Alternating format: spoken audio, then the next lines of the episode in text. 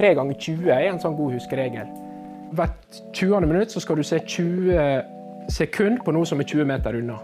Enten man sitter og leser eller sitter og, og, og spiller piano eller hva det nå enn er.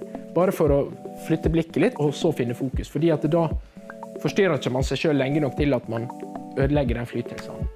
Dette er Thomas Myklebust. Han er spesialist i klinisk nevropsykologi, og han snakker nå om hvordan du kan få hjernen din til å lære bedre. Det jeg ønsker med det dere skal få høre nå, det er egentlig bare at dere skal bli litt mer bevisste på hvordan hjernen fungerer. Sånn at dere kan bruke den bevisstheten om de tre overordnede prosessene jeg skal ta for meg. De prosessene er kalt for stimulering, altså hvordan får vi ting inn i hjernen. Konsolidering, hvordan får vi det på riktig plass og sørger for at det blir der. Og implementering, hvordan tar vi det i bruk igjen, hvordan får vi det fram igjen. Inn, spikre fast og ut.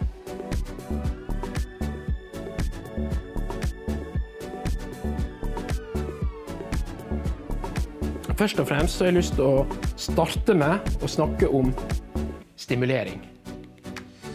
Og Det er jo på mange måter den klassiske læringa. Altså hvordan, hvordan får vi ting inn? Og vær litt bevisst på hvordan lærer dere egentlig best? Hva er det slags erfaringer dere har? Hva, hva, hva er det dere foretrekker å gjøre nå når dere skal lære nye ting? Vi har tre forskjellige typer eh, som jeg liker å trekke fram.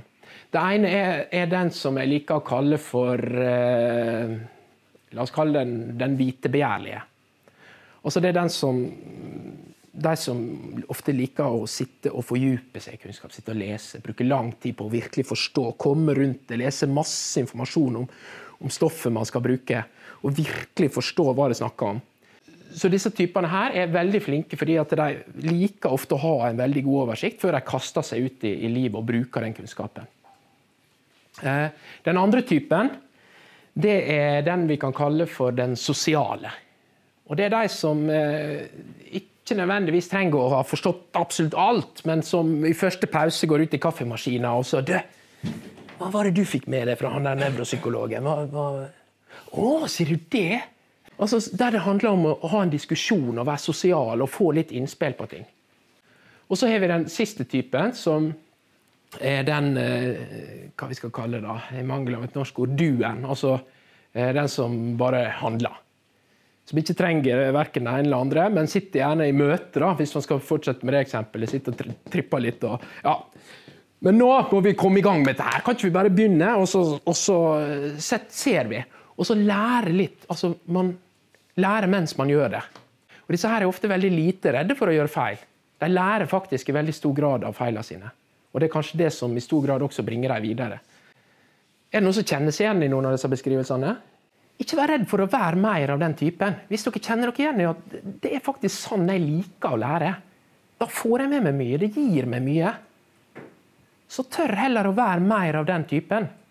Fordi det vil, det vil sannsynligvis bety at hjernen deres eh, i utgangspunktet kanskje også har forutsetninger for det, men fordi at dere kanskje er født med noen forutsetninger for å å lære på den måten, så har dere faktisk ubevisst mer eller mindre også spesialisert dere i det. Tør å bli spesialister. De fleste av oss har nok godt av å være litt mer bevisst på hva vi er skikkelig gode på. Kanskje spesielt i situasjoner hvor vi er ekstra sårbare, som f.eks. når vi er nye i en jobb. Et annet eksempel fra næringslivet var at jeg ble oppringt av ei, av ei dame som hadde jobba for et stort norsk internasjonalt konsern og hadde fått ei eh, lederstilling som hun plutselig hadde fått iskalde føtter og tenkte at er det? dette her kan ikke jeg, dette her håndterer ikke jeg. Hva i all verden? Jeg, jeg, er jo ikke kvalifisert for dette her. Så vi begynner, ja, Hva gjorde du før du fikk denne stillinga her? Nei, da hadde du hatt ansvaret for et veldig stort nedskjæringsprogram i den samme bedrifta, som hun hadde fått til veldig bra. Ja, men det er jo kjempefint, eh, sa jeg. Hva, hva, hva var det som, som, gjorde at du gjorde det så bra der? Jo, jeg fant ut at det var veldig god til å si opp folk. Begynner vi å snakke om dette her. Ok, ja, men det er kjempefint, sa jeg. Men, men hva var det som gjorde at du var så flink til å si opp folk, da? Jo, nei, hun var nå kanskje flink til å hjelpe folk til å se andre muligheter. da. Hun var flink til å lytte, hun var flink til å ha gode samtaler. Hun var flink til å få folk til å endre fokus. Var flink til å få folk til å sette mål, andre mål. Og så, mens hun satt og prata, så begynte det gradvis å gå opp for henne at hei, dette her er jo egenskaper som er forutsetning for den jobben jeg nå skal starte på. Det er jo akkurat dette her jeg trenger, det er jo derfor jeg har fått jobben. Så hun gikk ut av døra som en fyrverkeri, og hun fikk på en måte en erkjennelse av noen av de kjerneegenskapene. Og og jeg sier kjerneegenskaper fordi at det er noen egenskaper som ligger til grunn for at dere sitter her i dag. Så tør å bli spesialister. Ikke prøv å bli god til, best til alt det dere ikke føler at dere behersker, eller sammenligner dere nødvendigvis så mye med andre. Men hva er det som gjør dere unike? Hva er fokuset deres? Hva er det slags egenskaper ved dere som dere vet at dere er Shit! Dette er jeg ganske god på. Og dyrk dem. Det skal være fokuset deres. Så Det er litt det å, å, å, rydde litt opp i fokus i forhold til sin egen, sitt eget potensial, sine egne forutsetninger. Og så er det det andre fokuset, at man må faktisk ha Enten det man skal lese en bok, eller øve på noe, eller trene på noe, eh, så, så må man også klare å få hjernen parkert på det man ønsker å få inn. Altså Man må klare å fokusere på det, eh, i tradisjonell forstand. Og Da er det jo et begrep innenfor psykologien som, som eh, er veldig populært å snakke om, og det er jo det man kaller for flyt.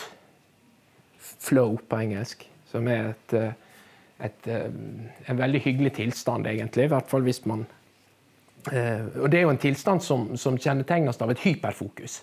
Der man sitter og gjør noe, holder på med noe, og så er man så utrolig fokusert og inne i det man holder på med, at man glemmer både tid og sted. og Glemmer både å spise og gå på do. og Man aner ikke om man har sittet der i fem minutter eller tre timer. Det, det, er to ting som jeg kan si som i hvert fall ligger som en sånn grunnleggende element for at eh, du skal øke forutsetningene for å komme i den.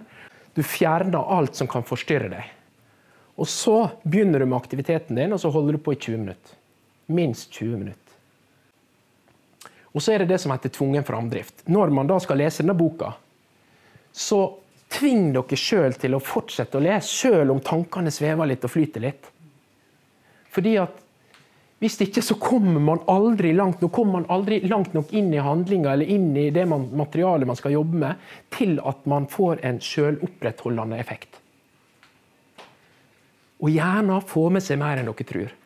Så så lenge dere klarer å, å la blikket fare over linjene, så er gjerne så prima på dette her med lesing den er så god til å lese, så selv om dere, altså Vi kan sitte og lese ting uten å egentlig få med oss hva som skjer der, men på et eller annet nivå så går det inn. Så Hvis dere klarer å holde på lenge nok, så vil dere etter hvert sakte, men sikkert komme inn i flyten. Men den får dere aldri hvis dere hele tida begynner på nytt igjen. Men tving dere sjøl til i hvert fall minst 20 minutter hvis dere skal i gang. Og så er det dessverre sånn da at Hvis man skal opprettholde i hvert fall en god form for læring, så må man ta hyppig pause. så det er jo litt sånn, men men eh, man bør helst holde på en halvtime, tre kvarter før man tar en liten pause. Men da bør man også ta en kort pause. Det neste jeg har lyst til å, å neste, Dette her var jo da stimuleringsfasen. Og så Det neste jeg har lyst til å snakke om, det er det vi kaller for konsolideringsfasen. Det er der kunnskapen eller egenskapen eller det vi øver på eller det vi ønsker å beherske, blir robust. Det blir konsolidert inni hjernen. Der møtes det dere stimulerer hjernen med, med, det møter de egenskapene dere allerede har. Og de erfaringene, og den kunnskapen og de evnene dere har fra før. Og så blander det seg. Og da blir det robust. Og det er da det blir moro ut av det. For det er da det unike kommer til uttrykk gjennom hver og en av dere her. Altså Hvis vi hadde gått akkurat den samme utdannelsen, med akkurat de samme lærerne, akkurat det samme pensum, og blitt tildelt akkurat de samme arbeidsoppgavene eh, i en jobb, så er jeg likevel sikker på at vi ville løst det på forskjellig måte. Og Det er det som gjør den individuelle læringsstilen, og det at vi tør å være tru mot, mot de egenskapene vi allerede har, det er det som gjør de så verdifulle. For hvis, ikke, hvis vi alle hadde sittet og løst ting på samme måte, så hadde vi vært maskiner. Og det kom ikke mye kreativt ut av det. Eh, men det neste jeg vil snakke om, er som sagt konsolidering. Og det er faktisk den mest behagelige fasen. Fordi at det er på mange måter det vi kan kalle for restitusjonsfasen. Når er det dere får de beste ideene? Når er det dere er mest kreative? Når er det det ah, det løsner? Er det noen som har noen Folk er kreative i ulike situasjoner. Noen er på sitt mest kreative de minuttene rett før du sovner klokken tolv på kvelden, eller når du er helt alene på hytten ved sjøen. Og andre er på sitt mest kreative når de faktisk legger fra seg det de egentlig arbeider med. Det er et begrep som vi kaller for Heng med transitorisk hypofrontalitet. Frontallappene våre, det er forstanden, det rasjonelle. Der er vi logiske i tenkninga vår. Vi er veldig rasjonelle, ryddige. Eh, det er den som hjelper oss på mange måter til å gjøre veldig strukturerte ting som planlegging. Hvis følelsene begynner å bli for mye, så sier frontallappene at hei, hei, tenk rasjonelt nå. Nå må du stramme inn her. Eh, veldig flink til å holde oss egentlig ryddige, orienterte i forhold til eh, både rammer, både sosiale rammer. Altså konformitet er frontallappen veldig god på. Men når den kobler seg ut, da blomstrer ofte kreativiteten. Fordi kreativiteten foregår stort sett i alle de andre delene av hjernen. Og det var, var, en som nevnte akkurat før jeg skulle til å sovne ja. Og Det er et veldig godt eksempel på når frontallappen kobler seg ut. Andre ting, altså Etter klokka tolv på kvelden da er det ingen som forventer noe av dere. Da er det stilt og rolig, kanskje, de fleste har lagt seg, det uh, meste er stengt, man er liksom ferdig med dagens gjøremål. Man trenger ikke så mye frontallapp lenger. Uh, når man sitter på hytta alene, var et eksempel her også. Helt i fred. Man trenger egentlig ikke å ha denne rasjonelle biten. Og da slipper det andre til. Da er vi inne i det som vi kaller for konsolideringsfasen. Og det er der moroa skjer. Det er det som er gøy. For det er da våre evner, all den erfaringa, kunnskapen og evnene vi har fra før, begynner å blande seg med det nye. Og det er der det unike uttrykket kommer. Og det, det er kjempegøy, altså. Og det som skal til, er jo veldig ofte at man altså På idrettsspråket så snakker man om restitusjon. Hjernerestitusjon. Hvis man tar ei vekt på 10 kg og begynner å trene bicepsen sin, på et eller annet tidspunkt så blir det tyngre og tyngre, og tyngre, og til slutt klarer ikke man å løfte igjen. Og Så kan man ta bort og ta fem kilo, og så klarer man det noen, og så klarer ikke man. Og til slutt så klarer man ikke lenger å løfte armen. Hva må man gjøre da? Jo, må man ta en liten pause. Hvile muskel. Og så må vi begynne på nytt igjen. Og da klarer man plutselig noen repetisjoner til. Hjernen er akkurat på samme måte. På mange måter så er hjernen som en muskel. Så det er like viktig å hvile hjernen som musklene etter en hard økt. Og da gjelder det å ta pauser. Men før vi gjør det, må vi innom den siste fasen i læringsprosessen. Nemlig implementeringsfasen. Den fasen er egentlig ikke noe hassle. Fordi at da er jobben gjort.